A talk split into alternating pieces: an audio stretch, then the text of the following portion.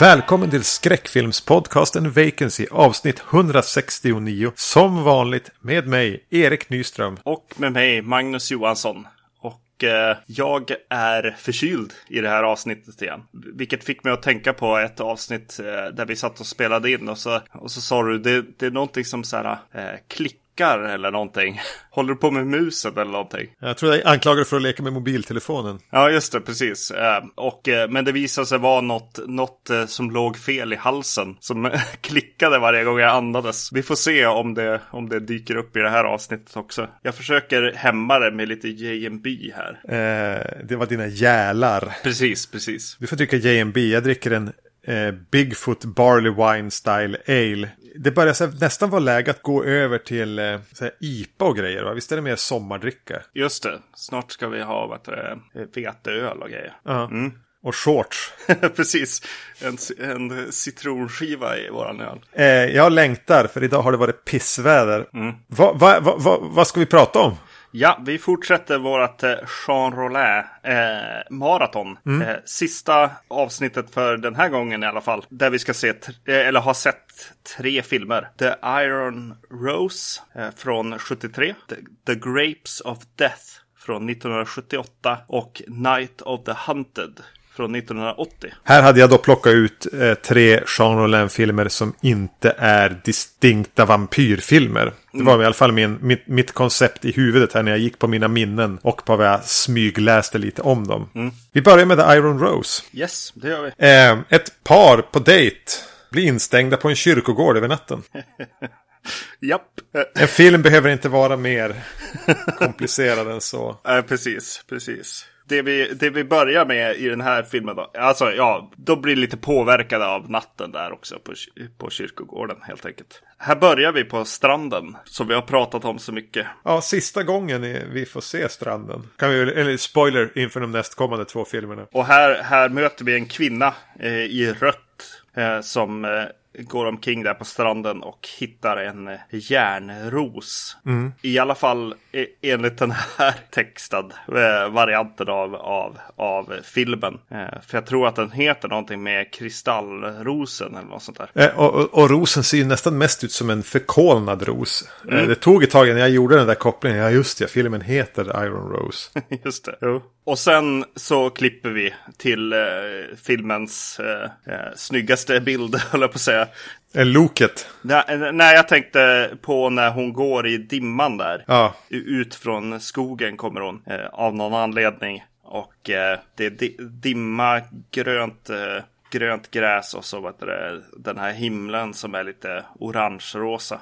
Mm. Eh, mycket, mycket snyggt. Men det fortsätter ju så. Sen kommer ju det här tåget i dimman också eh, under förtexterna. Som är fantastiskt också med, med ett hånglande par som står uppe på, på loket. Mm, mycket fint. Ja, och, och man, man, är ju här hela tiden lite osäker på vilka är personer, alltså vem var kvinnan på stranden? Vem är det som kommer att gå längs den där dimmiga ängen? Va, vilka är de här vid loket? Och sen hamnar vi på en, någon slags bröllopsbjudning. Mm. Och det, det, där vi presenteras för två som lär känna varandra och som bestämmer sig för att mötas upp igen. Eh, och det är då de far på den här dejten. Ja. Han är, det är två väldigt snygga personer det här. 70-tals snygga personer. Mm. Han är lite pretentiös, eh, Lars von Trier, rationella mannen. En aning självgod och eh, rätt irriterande. Han citerar poesi och, och försöker ändå ha, ha, lite saker att säga om allting. Även om man kanske inte vet någonting om allting. Mm. Hon är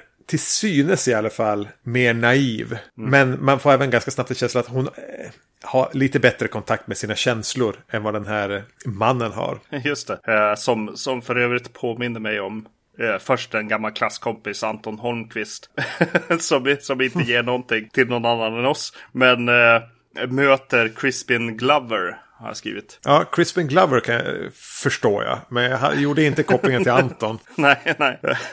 nej, precis. Han har ju den här, någon, någon slags svart... Eh, kalufs och, eh, och de här lite tjusiga kläderna där i början. Som, som fick mig att, att tänka på Crispin Glover. Ja, lite det här, lite det här långa, eh, gängliga mm.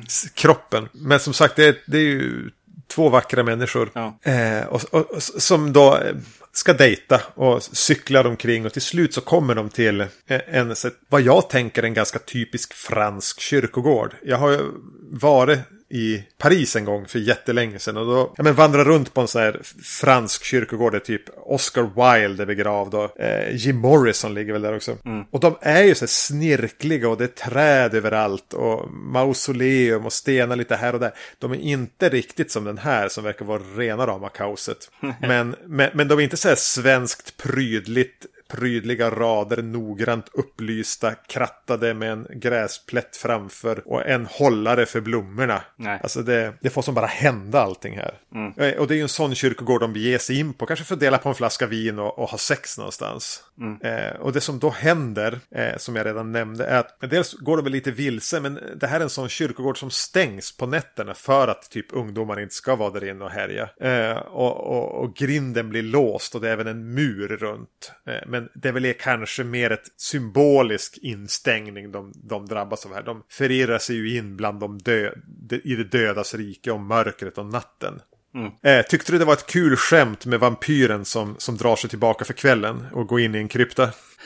ja, precis. Han är ju är väl vampyren från Requiem eh, for a Vampire också. Mm. Har jag för mig, vilket, vilket egentligen blir eh, ett tema i filmen känns det som. För det kommer även en, en clown eh, ja. som lägger blommor på, på en annan clowns grav. Mm. Och eh, eh, den clownen spelas av en av, en av clownerna i Requiem for a Vampire också. Jaså, det... Ja, ja precis. Eh, li, lite mer hårdsminkad här så det är lite svårare att, att sätta på något sätt. Men eh, ja, det känns ju som att eh, Jean Rollin känner någonting här med den här filmen och Requiem for a Vampire, känner jag. Tänker du att han försöker sätta någon slags slutpunkt för allt som har med vampyrer att göra? Ja, precis, kanske. Men också kanske lite temat och sättet, alltså att det är liksom bara två personer som går omkring och upplever saker liksom mm. lite grann. Att det finns någon koppling där lite grann. Ja, för det är ju mannen och kvinnan här. Det, det som du nämnde, det är en clown som kommer och lägger blommor på en grav. Det, det är någon sån här sorgkvinna med flor som, hon är väl även den som låser tror jag. Som rör mm, sig där inne. Just det. Och så, och så kommer Jean Rollet i, i pälsen där och stirrar på dem som en liten otäck liksom Gnome eller... ja, och sen något sånt nästan, alltså konstigt sminkad munk tänker man nästan. Ja, någonting, vad, det nu mm. då är. Det är Jean Rollin mm. som spelar han alltså. Mm. Ja. Eh, men, men, men de här är med, alltså det handlar om sekunder. I övrigt är det man ja. och kvinna här. Precis, precis. Och, och, och ja, men först är det lite det här busiga. De jagar varandra, de tittar på någonting. De, de klättra ner i någon krypta och, och ha sex med varandra. Och, men det är som att, att ju mörkare det blir, de blir mer vilse där inne, så, så ställs allting på sin spets. Mm. Men jag tänker att man borde väl ändå säga någonting om hur, eh, att, ja, men jag var inne på det med, med kyrkogården det här virvarret som det är.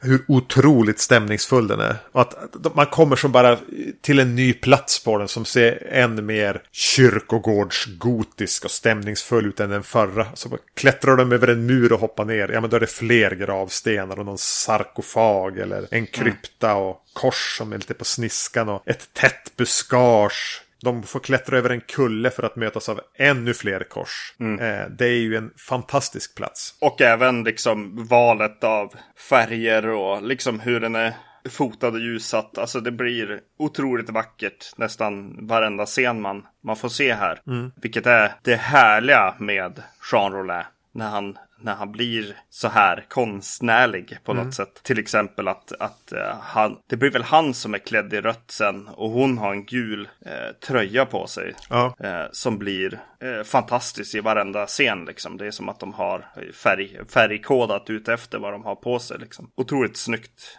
gjort och det enda som jag kände med, med foto och sånt är att ibland så kommer det in en handhållen kamera som ja. eh, rycker lite och är, är, off helt enkelt mot för den annars fina, mycket fina filmen liksom som, som använder sig mycket av eh, stativ och eh, lugna rörelser. Liksom. Jag gissar att det handlade om vi måste få det här snabbt avklarat. För, ja, för ja. budgeten här är nog väldigt, väldigt låg. Eh, som du sa, alltså det här är väl när Roland är som mest poetisk och artsy. Mm. Så jag tänker någonstans att det här är en film som han har fått tjata sig till att få göra. Ja, ja. Eh, och, och, den ligger ju i känsla och ton och, och, väldigt nära de här vampyrfilmerna som vi pratade om bland annat i föregående avsnitt. Det känns som en natur att den ligger ju väl mellan Requiem for a Dream och Lips of Blood i kronologiskt, tror jag. Yes. Eh, han hade säkert hunnit börja göra en del porr här också. Nu, nu, gjorde, nu gjorde du missen som, vi, eh, som jag tänkte att jag skulle göra vid något tillfälle. Requiem for a Vampire. Sa jag Dream? Jajamän. Ja.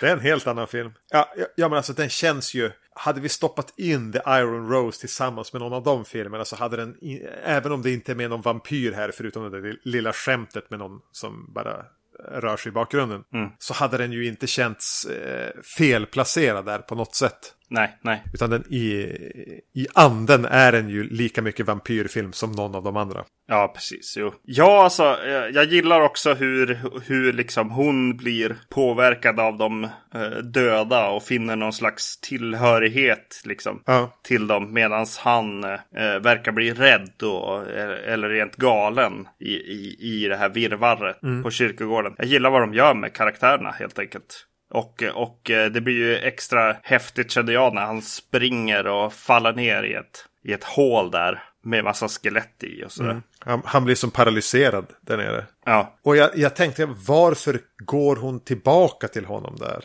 Alltså vad är det som gör att du drar tillbaka? Alltså hur saker har utvecklats dem emellan fram till den scenen. Mm. Eh, bara tänkte, ja men ja, det kanske är bättre att hon, än att vara ensam. Ja, precis. Jo, det var mycket sånt ja. Mm, mm. För, för, för mig handlade den här ändå ganska mycket om hur vi hanterar våran rädsla. Alltså kanske rädsla för döden, dödsångest eller våran egen dödlighet. Det är som på något sätt det som den här kyrkogården trycker sig på, påminner de här karaktärerna om. Mm. Och eh, han försöker slå ifrån sig. Ja. Och han går under i princip. Medan eh, kvinnan här, hon låter, låter bara skölja genom henne och våga känna allting. Mm. Och hon tar kontrollen över det. Ja, det är lite roligt att du säger skölja och, och våga här. För att eh, just när han, när han faller ner där i i gropen där så kommer hon och tittar ner på honom. Och där när man tittar, när kameran tittar upp på henne så kände jag att hon var under vattnet. Eh, det var någonting som, som kändes som att hon var liksom eh, nere i en sjö eller någonting. Alltså en, ett plus får den ju också för att den, det kanske är upp till skådespelarna, jag vet inte. Men eh, här är han eh, Mario Bava-pryd igen, eh, vilket är nice. Den, den, är, den handlar lite om, om sex och eh, den sexuella energin liksom mellan, mellan människor. Men den är lite skönt sådär pryd som Mario Bava mm. kan vara mm. i de filmer där han egentligen ska vara sleazy. Han är inte så intresserad av sleaze. Nej. Och här håller Roland tillbaka. Den är ju en... Det händer ju inte så mycket. Nej. Men eh, det, det, handlar ju mycket om att komma i sinnesstämningen och, och, och, nästan kunna leva sig in lite grann att själv vara vilse. Eller vara den osynliga betraktaren till de här två personerna som är vilse. Och pröva känna hur de upplever det. Och, mm. och bara titta på den här kyrkogården. Precis. Och försöka haka i det poetiska flummet. Och det tycker jag att jag gjorde, äh, absolut. Jag, jag, tycker om den här eh, filmen. Ja. ja, den landade rätt schysst hos mig. Det här är andra gången jag ser den. Hade nog en ganska identisk upplevelse båda gångerna. Det är en sån här film man är glad att den finns. Jag menar vad fan. Göra en film om två människor som är vilse på en kyrkogård. Mm. Eh, sälj in den pitchen nu. Precis, exakt. Var såg jag den här första gången jag såg den? Eh, på bio. Ja, och, och, om så väl vore. Jag såg, jag såg den i din pappas lägenhet. Jaha, okej. Okay. ja, så kan det gå. Ja. Ut, eh, men jag var inte där förstås. Du var inte där, nej. Och inte din pappa heller. nej, okej, okay, nej, nej. Vi får lämna det där. Mm.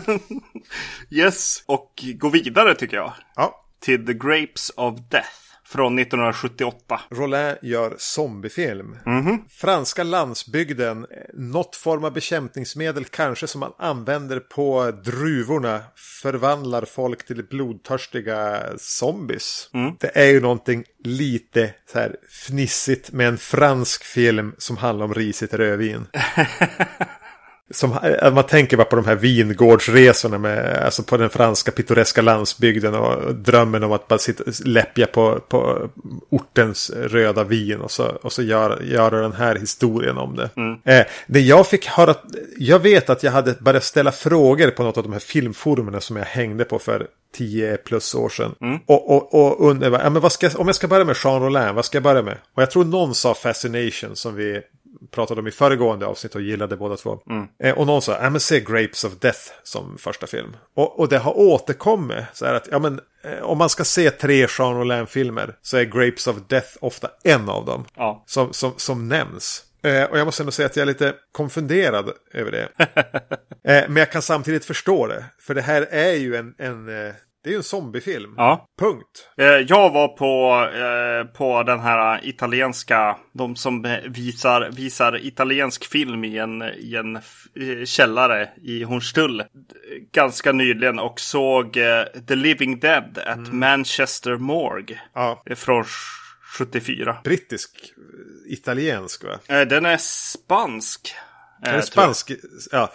Eh, för jag vet att den, jag, har jag tror vi har sett den. Ja. Eh, den måste vi komma till någon gång. Men mm. jag, jag, tänkte också på den här. Eh, det känns ju som Jean Rollet har, har tagit något slags avtramp i, i där, uh, vad gör vi med naturen egentligen? Och mm. naturskräck, du vet. Eh, mycket be, besprutning av de här i lantbruken här. Och, och till exempel i början så, så går de omkring folk och, och besprutar de här vad heter det, druvorna. Och eh, har lite halvdåliga masker på sig. Som, som chefen säger i början. Ja, men eh, de nya, nya maskerna kommer imorgon. De har inget, inget läckage. Vilket är liksom, det är lite ironiska här. Eller vad man ska kalla det. För det går ju inte bra. Jag tycker den är häftig. Det är en av de första scenerna man får se av de här arbetarna mm. på Alltså som bara går med så här slappa masker och så gamla besprutning och går så här lite slött och puffar med de här. Och man får som ser dem gå mot kameran med de här besprutningsgrejerna. Mm. Ja, det är en häftig bild. Känns spanskt direkt kanske. När man är i lite lantbruksmiljö. Eh, det är mest brunt och, eh, och brunt i princip. Eh, och sådär. Man bör, börjar tänka på... Eh... Tombs of the Blind Dead va? Ja, precis till exempel. Absolut. Eh, och även då eh, Living Dead här at Manchester Morgue. Mm. Och det går väl hela vägen då att, att eh, med just Blind Dead-serien att de hamnar på en, ett tåg också. Mm. Som, som två kvinnor åker på och inser att de är, de är så långt ute på landet och, och vid helt fel säsong så att de är helt ensamma på tåg tåget där. Lite rolig scen så här tycker jag. Att, att en går och gör sig i ordning för kvällen och borstar tänderna eller vad hon gör. Mm. Och eh, då kommer ju en av, eh, av de här lantbrukarna eller, eller arbetarna på den här farmen. Eh, som redan har klagat lite grann på att han har ont mm. Vid halsen egentligen. Under hakan typ. Ja, det, det går ju dåligt för dem. Den här mannen attackerar ju en av kvinnorna och, och eh, den andra får fly därifrån helt enkelt. Dra i nödbromsen och hoppa av och springa rätt ut på landsbygden. Mm, precis. Och eh, mannen här egentligen sätter sig på spåret och ger upp egentligen. Mm. Det är ganska otrevlig zombie-grej egentligen. Folk, de är ju sjuka liksom. Mm. Och håller på att falla sönder liksom. Hela hans kind börjar liksom eh, vara sig liksom. det bara rinner var och blod liksom. Det sägs väl inte att deras hjärnor håller på att ruttna. Mm, mm. Eh, så att eh, de är ju, eh, vi träffar på karaktärer som är så slits mellan att vara den de egentligen är och att vara en sjuk galning. Eh, jag börjar känna att Jean Rollet gärna flörtar lite grann med sina andra filmer. Eh, för han springer förbi, eh, eller hon springer förbi en kyrkogård som är låst. Ja. Som, som hon inte då kommer, kommer in i utan väljer att springa vidare. Vilket ju är en av sakerna som händer i The Iron Rose helt enkelt. Ja. det, det lås, låses ner den här kyrkogården. Känns lite som en flört med, med den filmen, kanske. Tänkte du förresten på att, på att den här manliga, han, som presenteras som nästan som en skurk i början. Det är han som har sagt jag har beställt de här nya maskerna som ska hålla lite bättre tätt. Att han har på sig en jättekonstig lila halsduk. Stor jädra lila halsduk. ja. Och att den här kvinnan som är den som hoppar av tåget är den som vi följer genom hela filmen. Hon har på sig en lila typ skjorta. Ja, okej. Okay. Mm. Eh, och att ja, lila är ju egentligen en vindruvsfärg. Just det. Eh, och att de här två karaktärerna möts ju även i slutet. Just det. Det är han som hon hela tiden söker sig mot. Vi har fått han presenterat som the bad guy. För hon, våran hjältinna, är han på något sätt målet och räddningen med hela. Eh, och Just de kopplas samman med de här lila färgen som mm. vi inte ser i övrigt. Eh, och samtidigt som det är färgen på, på det som egentligen ställer till med all den här. Det är druvfärgen mm. som är roten till allt ont. Jag vet inte om jag övertolkar det här. eller, eller om det faktiskt var någon liten så här, färgtanke som Roland hade här. Eh, det var det säkert, absolut. Det tror jag. Jag blev beskylld i början av den här podcasten i våra tidiga avsnitt att göra övertolkning. Det är därför jag är så eh, nöjd nu när du, när du går nuts här. Det är bra. Jag, jag, fick bara känna mig smart för en gångs skull och lägga märke till något sånt här. För jag bommar alltid sånt. sånt liksom. Tänkte du inte på att de hade exakt likadan jacka på sig de här tre? Nej. Tänkte du inte på att det var samma låt som spelades? Nej. Nej. Men det som händer egentligen den här kvinnan. Hon flyr från tåget som sagt genom en tunnel. En som, och, och så flyr hon liksom bara genom en rad vignetter. Mm. Tåget var första vignetten. Sen hamnar hon i en slags familjetragedi. Ja. Hon flyr vidare, träffar på en blind kvinna. Mm. Hon flyr vidare och träffar på Brigitte Lahaye. yes. Och så småningom träffar han även på två beväpnade män. Och, och, allting här, det är som avsnitt i en tv-serie eller någonting. Ja, just det. Mm. Så första avsnitt ett, familjetragedin eh, med en eh, pappa som är och en dotter och på övervåningen ligger mamma liksom sedan länge död och det blir som ett litet klaustrofobiskt kammarspel fast ganska slappt iscensatt. Ja, precis. Jo, men det kunde ha blivit bra där. Absolut. Ja. Uh, men ja, ja, på ett sätt blir det den där lite tråkiga scenen med, med eh, Tim Robbins i, eh, vad heter den, War of the Worlds. Kunde bli bra, ja. blev inte det. Eh, eller, eller ja, alltså, vad fan, nej, det, det där var orättvist på ett sätt. Jag, jag tycker ändå att det finns, finns något eh, lite roligt i den, men det är nog mest att den är lite europeisk bara. Att det är det. Ja. Alltså överlag så är ju det här den Roland-film som känns minst Roland och mest bara Eurosleaze. Ja, precis. Mm. Och, och, på gott och ont får man väl säga. Kanske i sammanhanget mest på ont. Alltså den tappar den unika prägeln. Eh, det känns som att han har fått lite budget och måste därför göra några saker som går emot eh, den här konstnärssjälen på något sätt ändå. Det är mer gore, det är mer ja, zombies och, och äckel, äckeleffekter och så. Och eh, den här lite jordiga fotot liksom. lite mer spanska, lantliga känslan här. Vad är det du säger? Säger du att det här är ett beställningsjobb? ja, alltså på ett sätt. kanske, kanske det. Men eh, hon stöter sen på en blind kvinna. Ja. Eh, och där finns det ju lite häftiga poänger. Ja. Eh, det där jag känner mest Roland. Det är just att, att, att hon, den här blinda kvinnan är den som är mest hemma i... Ja, men, omgivningen och de ska tillbaka till någon by. Och, eh, så på något sätt blir den blinda kvinnan guiden. Mm. Och, och, och våran hjältinna här blir den som samtidigt ser att det är fan inte bra här. Det är, det är fullt med zombies och det brinner överallt. Mm. Hon försöker skydda henne från att, att, ta del av det. Ja, precis, just det. Och det här tar aldrig slut, den här nattvandringen de gör. Nej, nej. Den är oändligt lång. På, alltså, å, återigen där det blir så här å ena sidan och å andra sidan. Ja men å ena sidan, alltså, bara, ja men kom någonstans med det här då. Mm. Och, och, om jag ska då ska säga att glaset är halvfullt så blir det lite grann som en mardröm, en febermardröm där du bara trampar på. Du kommer mm. ingenstans. Det blir bara ja, en jobbig känsla av att försöka dölja någonting för någon som hela tiden är nästan där att den vet vad det är som händer, som du inte lyckas dölja för den. Ja, Precis. Jag gillar de, de aspekterna lite grann. Jag kände i den här filmen just det här med husen som eh, brinner. Att det är så, så väldigt fina gamla eh, stenhus. Så jag, jag, jag, tycker lite synd om husen som, som brinner här. Och det är inte, inte ett bra betyg för, för filmen att jag börjar tänka på, ska, ska de verkligen elda här? Men alla hus ser ju ut som gamla ruiner från medeltiden. Ja, precis. De har förmodligen ställt ved innanför fönstren. Alltså det här mm. är ju byar som sedan länge är övergivna. Som får, eh, ja men de ser ut som stället i Tombs of the Blind Dead. Alltså som där är ruiner. Men här är det faktiskt en by. Mm. Som de eldar innanför. Men ja, jo de eldar väldigt mycket. Sten brinner bra i Spa äh, Frankrike. precis. Ja, alltså den är okej. Okay. Den här filmen. Jag tänkte också på Rabid uh, av uh, David Cronenberg. Lite, lite grann. Att det handlade lite grann om det här med na natur och annat. Och, och när man börjar förvränga den lite grann. Mm. Mm. Men eh, vi, det, det, känns lite som att vi, vi kommer, eh, han, börjar, han börjar ta lite steg åt, åt eh, Cronenberg-hållet liksom. To be continued. To be continued lite grann. Men Ja, jag vet inte. Det känns som att så här 70-talet besprutnings liksom skräck på något sätt. Nej, det sitter inte för mig alltså. Ja, men här, jag, jag upplever att det här, är, det här är ett manus som inte var i händerna på rätt regissör. Eh, och eh, jag tycker att effekterna blir ett problem. Alltså det, mm, mm, det ser inte bra ut. Tydligen Nej. var det så jävla kallt när de spelade in det här så att alltså, sminket frös.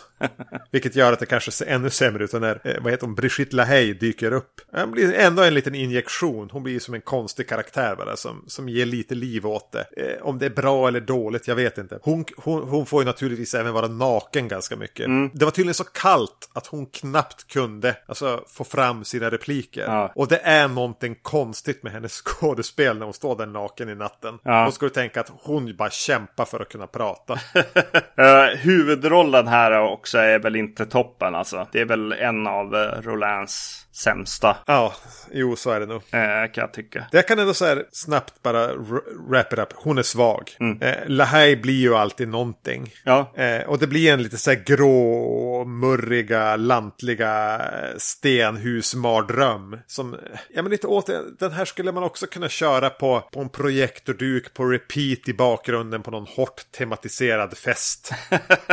yes. Men det, det, den lyckas få in lite politik, så här besprutningsgrejen. Mm. Ah, det känns sådär. Jag fastnar väl mer för det här att de, ja men det är ju trots allt liksom de rika som har utsatt de fattiga arbetarna för det här. Ja. Och, och så på när de här beväpnade männen vignetten så börjar de käfta om liksom, ja men jag slogs mot, jag slogs för Frankrike mot nazisterna. Ja, men jag skulle nog hellre uppskattat om du bara slogs mot fascismen och inte för ditt land. För då är du fortfarande en nationalist.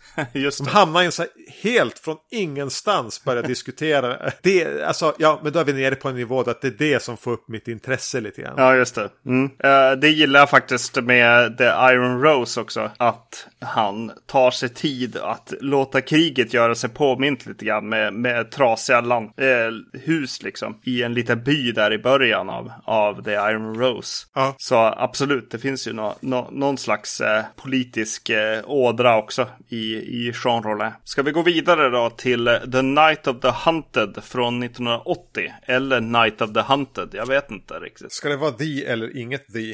Eh, precis. Skriven och regisserad av eh, Jean Rollin. Ingen annan är inblandad här. Mm. Den handlar om en man plockar upp en kvinna som är förvirrad och tycks ha problem med minnet. Det hela utvecklar sig till att eh, vi hamnar i en skyskrapa. Där fler personer som verkar sakta förlora allt minne av vem de är eller vem de har varit behandlas av en mystisk läkare. Och eh, ja, vad fan är det som händer? Det första som, eh, som eh, jag reagerar på här är att den verkar vara i 4.3, någon, någon slags variant av det. Ganska risig bild på, på den Blu-ray som jag eh, tittade på. Jag vill tro att min DVD var i ett annat format. Ja, okej. Okay. Ja. Just det. Nej, men då, då kanske det bara är den här eh, Blu-rayen som kändes väldigt knastrig och liksom. Ja, den var, den var kn ordentligt knastrig. Men ja. jag tror inte den var i 4.3. Jag såg den inte i och för sig inte på min tv så jag kan Nej, inte riktigt gå i god för det här. Nej. Jag såg den på din pappas tv nämligen. hmm. yes. Nej. Eller? Eller?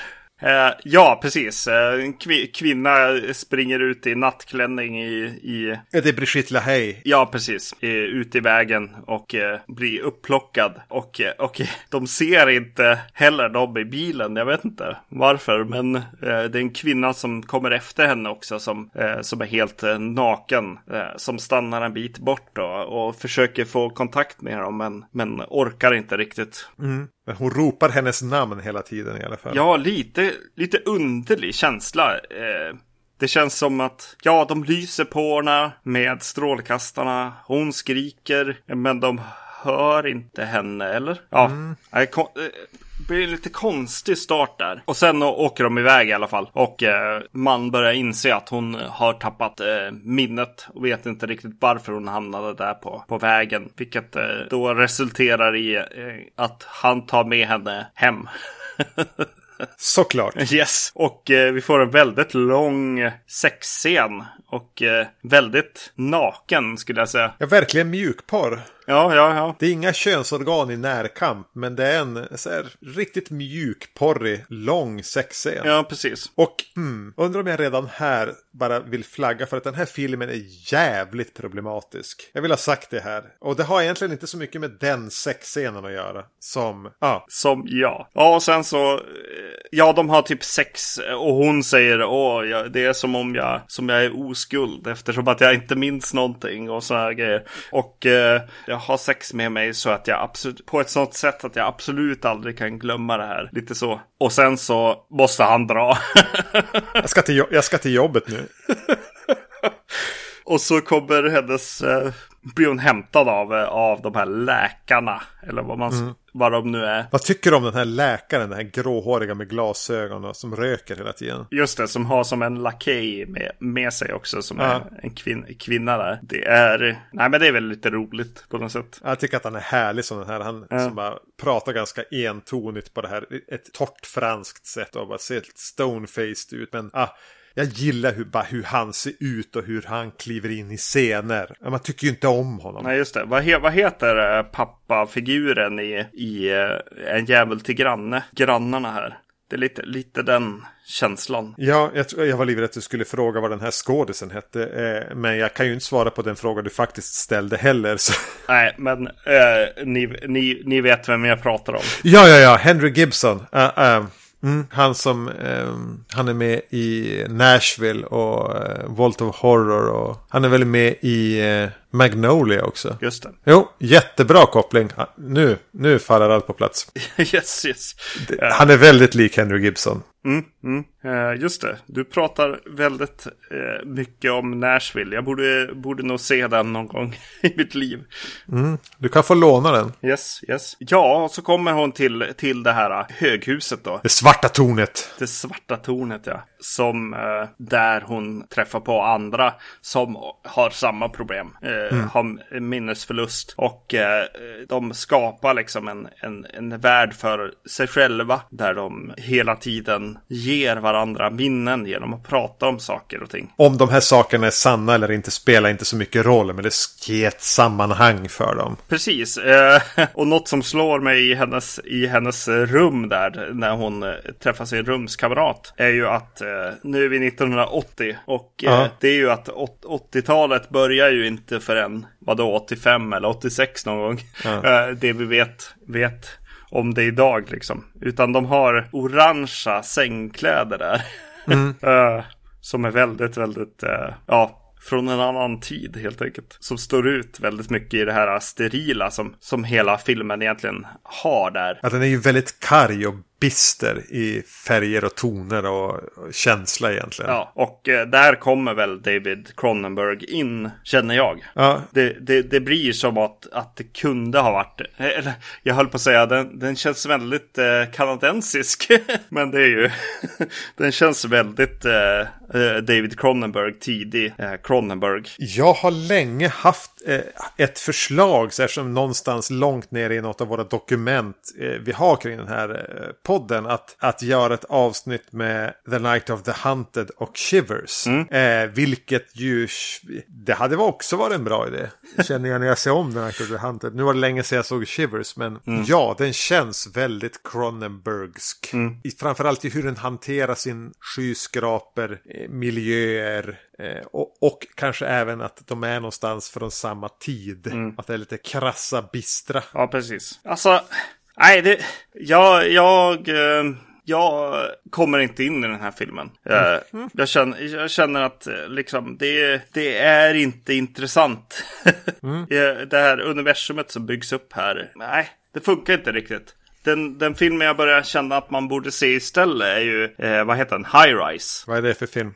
Ben Wheatleys eh, ja, ja. Mm. rulle med Tom Hiddleston. Eh, alltså, och den är ju inte heller topp toppen. Sådär. ja, jag har inte sett den så jag vågar inte uttala mig. Nej, nej men den, den handlar också om, om ett, ett höghus som blir lite tokigt och galet liksom. För det jag känner att det jag sa till att den här är jävligt problematisk. Ja. Det är att jag är extremt förtjust i grundpremissen med att när minnena dör hos en människa, vad fan är det som blir kvar? Ja. Och, och, och är det kanske bara några så primala känslor av rädsla? Och att vi då bara känner oss ensamma. Det finns några så bilder på när, när de här människorna som, som eh, finns i den här skyskrapan, de bara kurar ihop sig bredvid varann längs väggarna. Mm. Ja men det enda jag kan minnas, eller det är nästan en instinkt att bara, ja, men jag sitter bredvid den här personen. Ja, de, de sätter sig och kramas och sådär. Ja, mm. eh, och, och bara deppet i det och, och, och, tonen i det och, och den här musiken, det är som någon nynnande musik. Fast ja lite stocknynnande. Mm. jag ska säga. Och så kommer det så här fokus på skyskrapor som växer fram framförallt mot slutet. Ja. Liksom hur de bara söker de här skyskraporna och karga, kalla, gråa stadslandskapet. Som känns väldigt främmande för att vara Roland. Det är ju inte riktigt det vi har vant oss vid. Att liksom någonting om den här själsliga döden i den moderna världen som kändes som en Antonio, eh, Antoniones lillfinger som har här, blivit avhugget och far iväg och regisserar en film. det, den biten gillar jag verkligen. Den här deppiga lågbudgetkänslan av att eh, ändå försöka borra i någonting med vilka är vi, vad händer med, om, vad blir kvar om vi tar bort det vi minns, vad mm. är att vara en människa, och är det enda vi inte vill är att vara ensamma, bla bla bla. Eh, samtidigt så är den jävligt risig i så här, kopplingar mellan sex och våld. Nakenheten här känns oftast ganska sluskig och onödig. Mm. Det är nästan så att de, det, det förekommer ett antal våldtäkter som känns som att de ska vara sexiga i någon mån. Ja. Som är bara jättejobbigt för mig att titta på. Eh, så, som gör att den blir ju knepig att ha i huvudet den här filmen för mig. När jag verkligen stormgillar vissa delar och verkligen bara vill slå ihjäl andra delar av den. Mm. Ja, det ska bli intressant när vi väl hugger in i, i David Cronenberg. Mm. Eh, hur, hur vi känner för de eh, eh filmerna. Eh, både ja. du, du, och jag. Jag tror att det, det finns, finns ett, ett tillfälle där för oss att eh,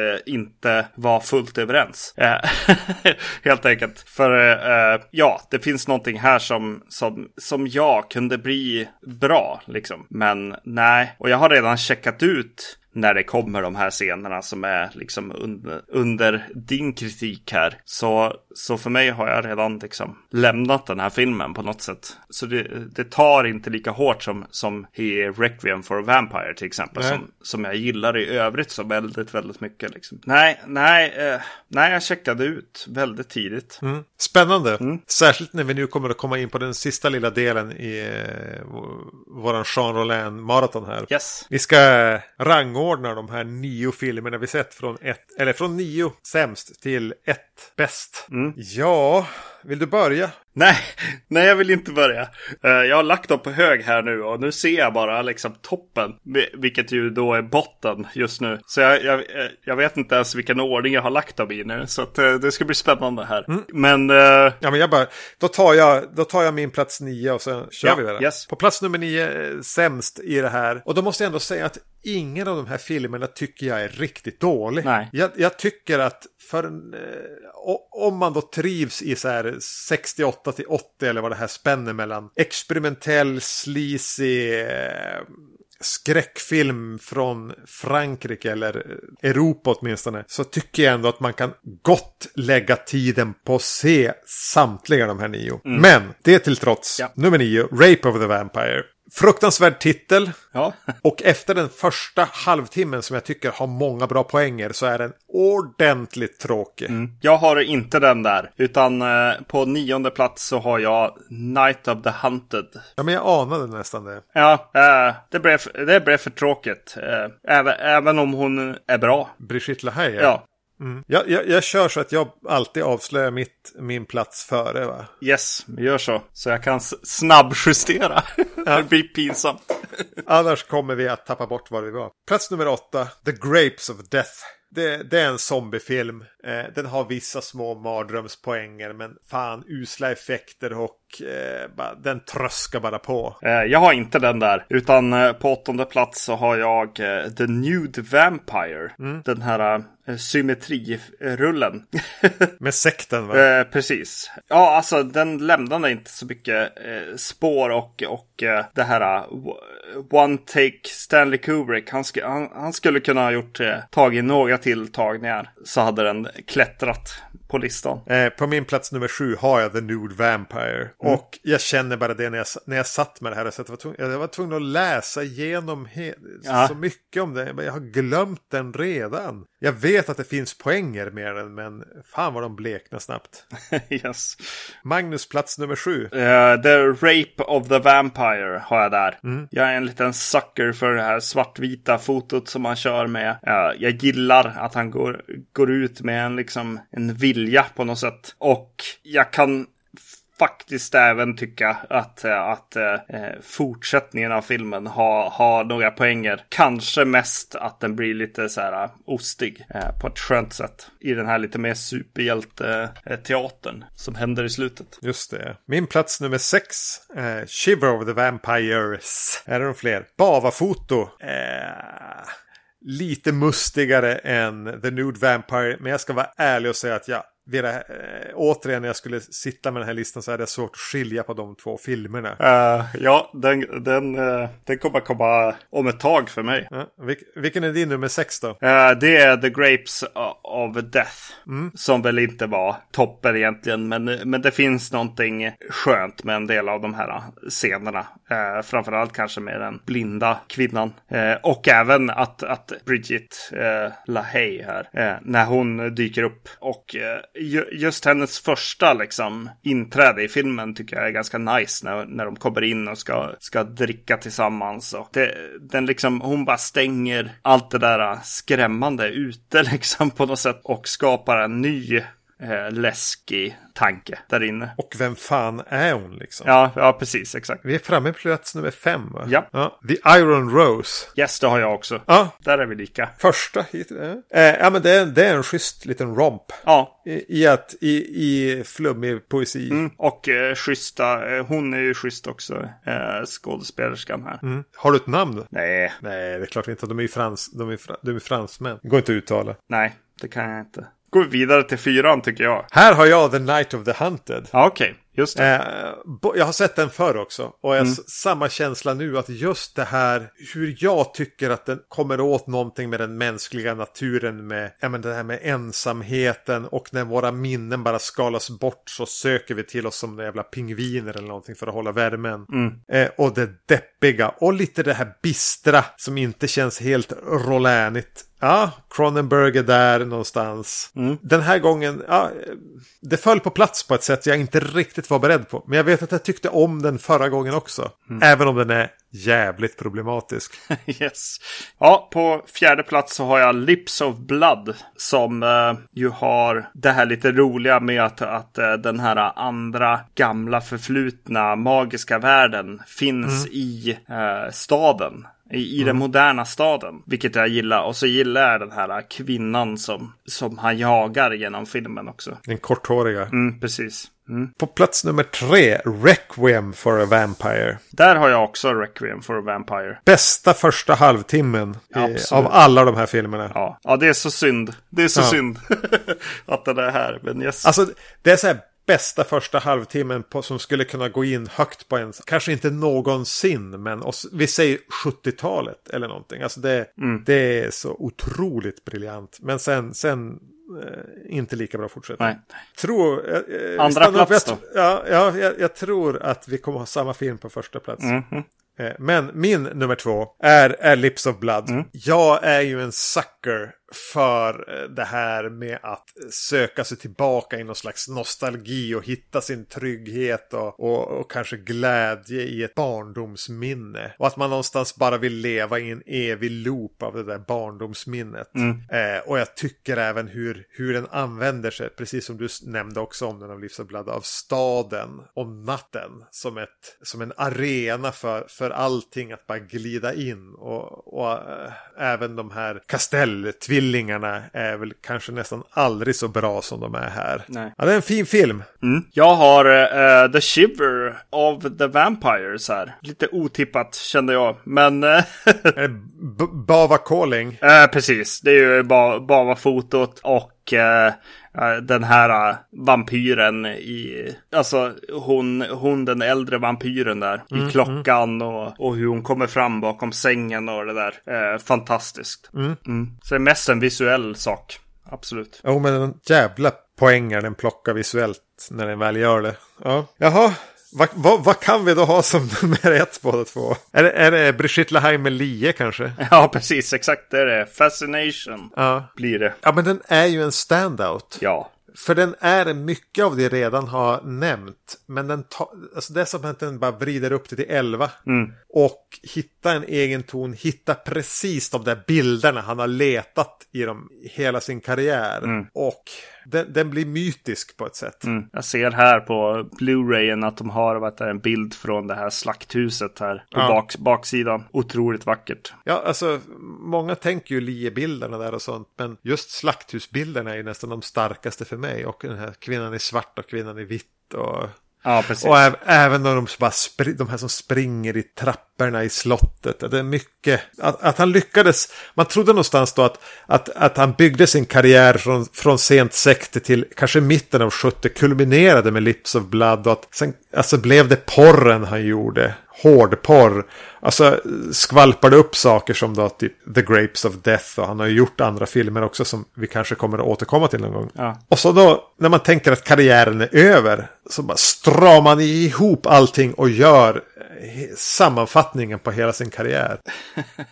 Ja. Det är häftigt. Mm, mm, absolut. Men som du, som du påpekade i början av den här uh, genomgången. Det är värt att se uh, Jean Rollet uh, fortfarande. Jag var lite rädd att det bara skulle kännas som slis. Men uh, det kändes som tavlor, eh, som konst eh, för, det för det mesta. Det är en eller två eller kanske tre gånger det känns gubbsnuskigt. Mm, mm.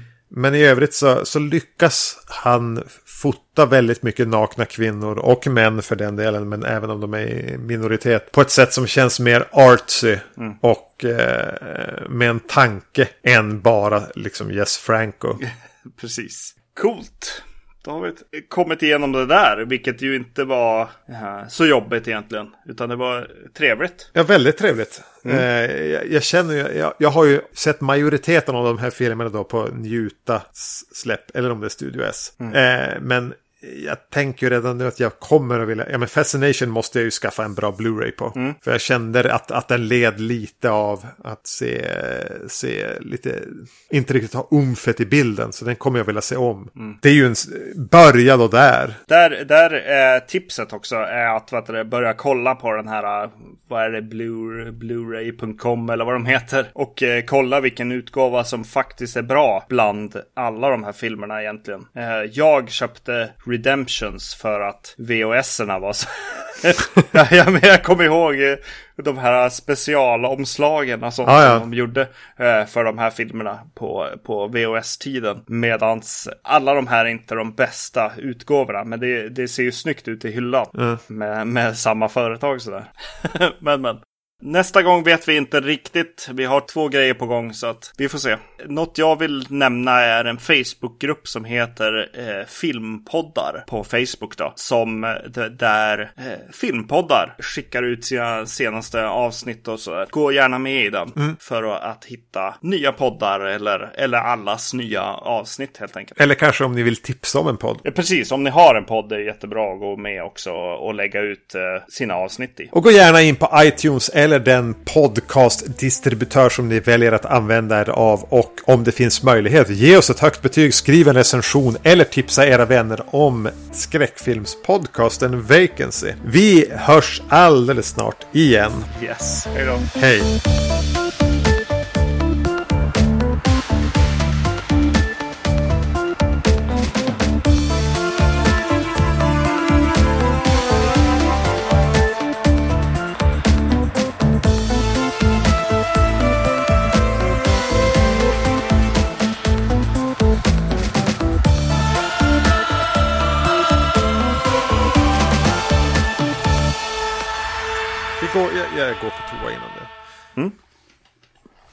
Ska ta med hörlurarna innan jag springer iväg. Så jag inte ringer ner datorn i golvet.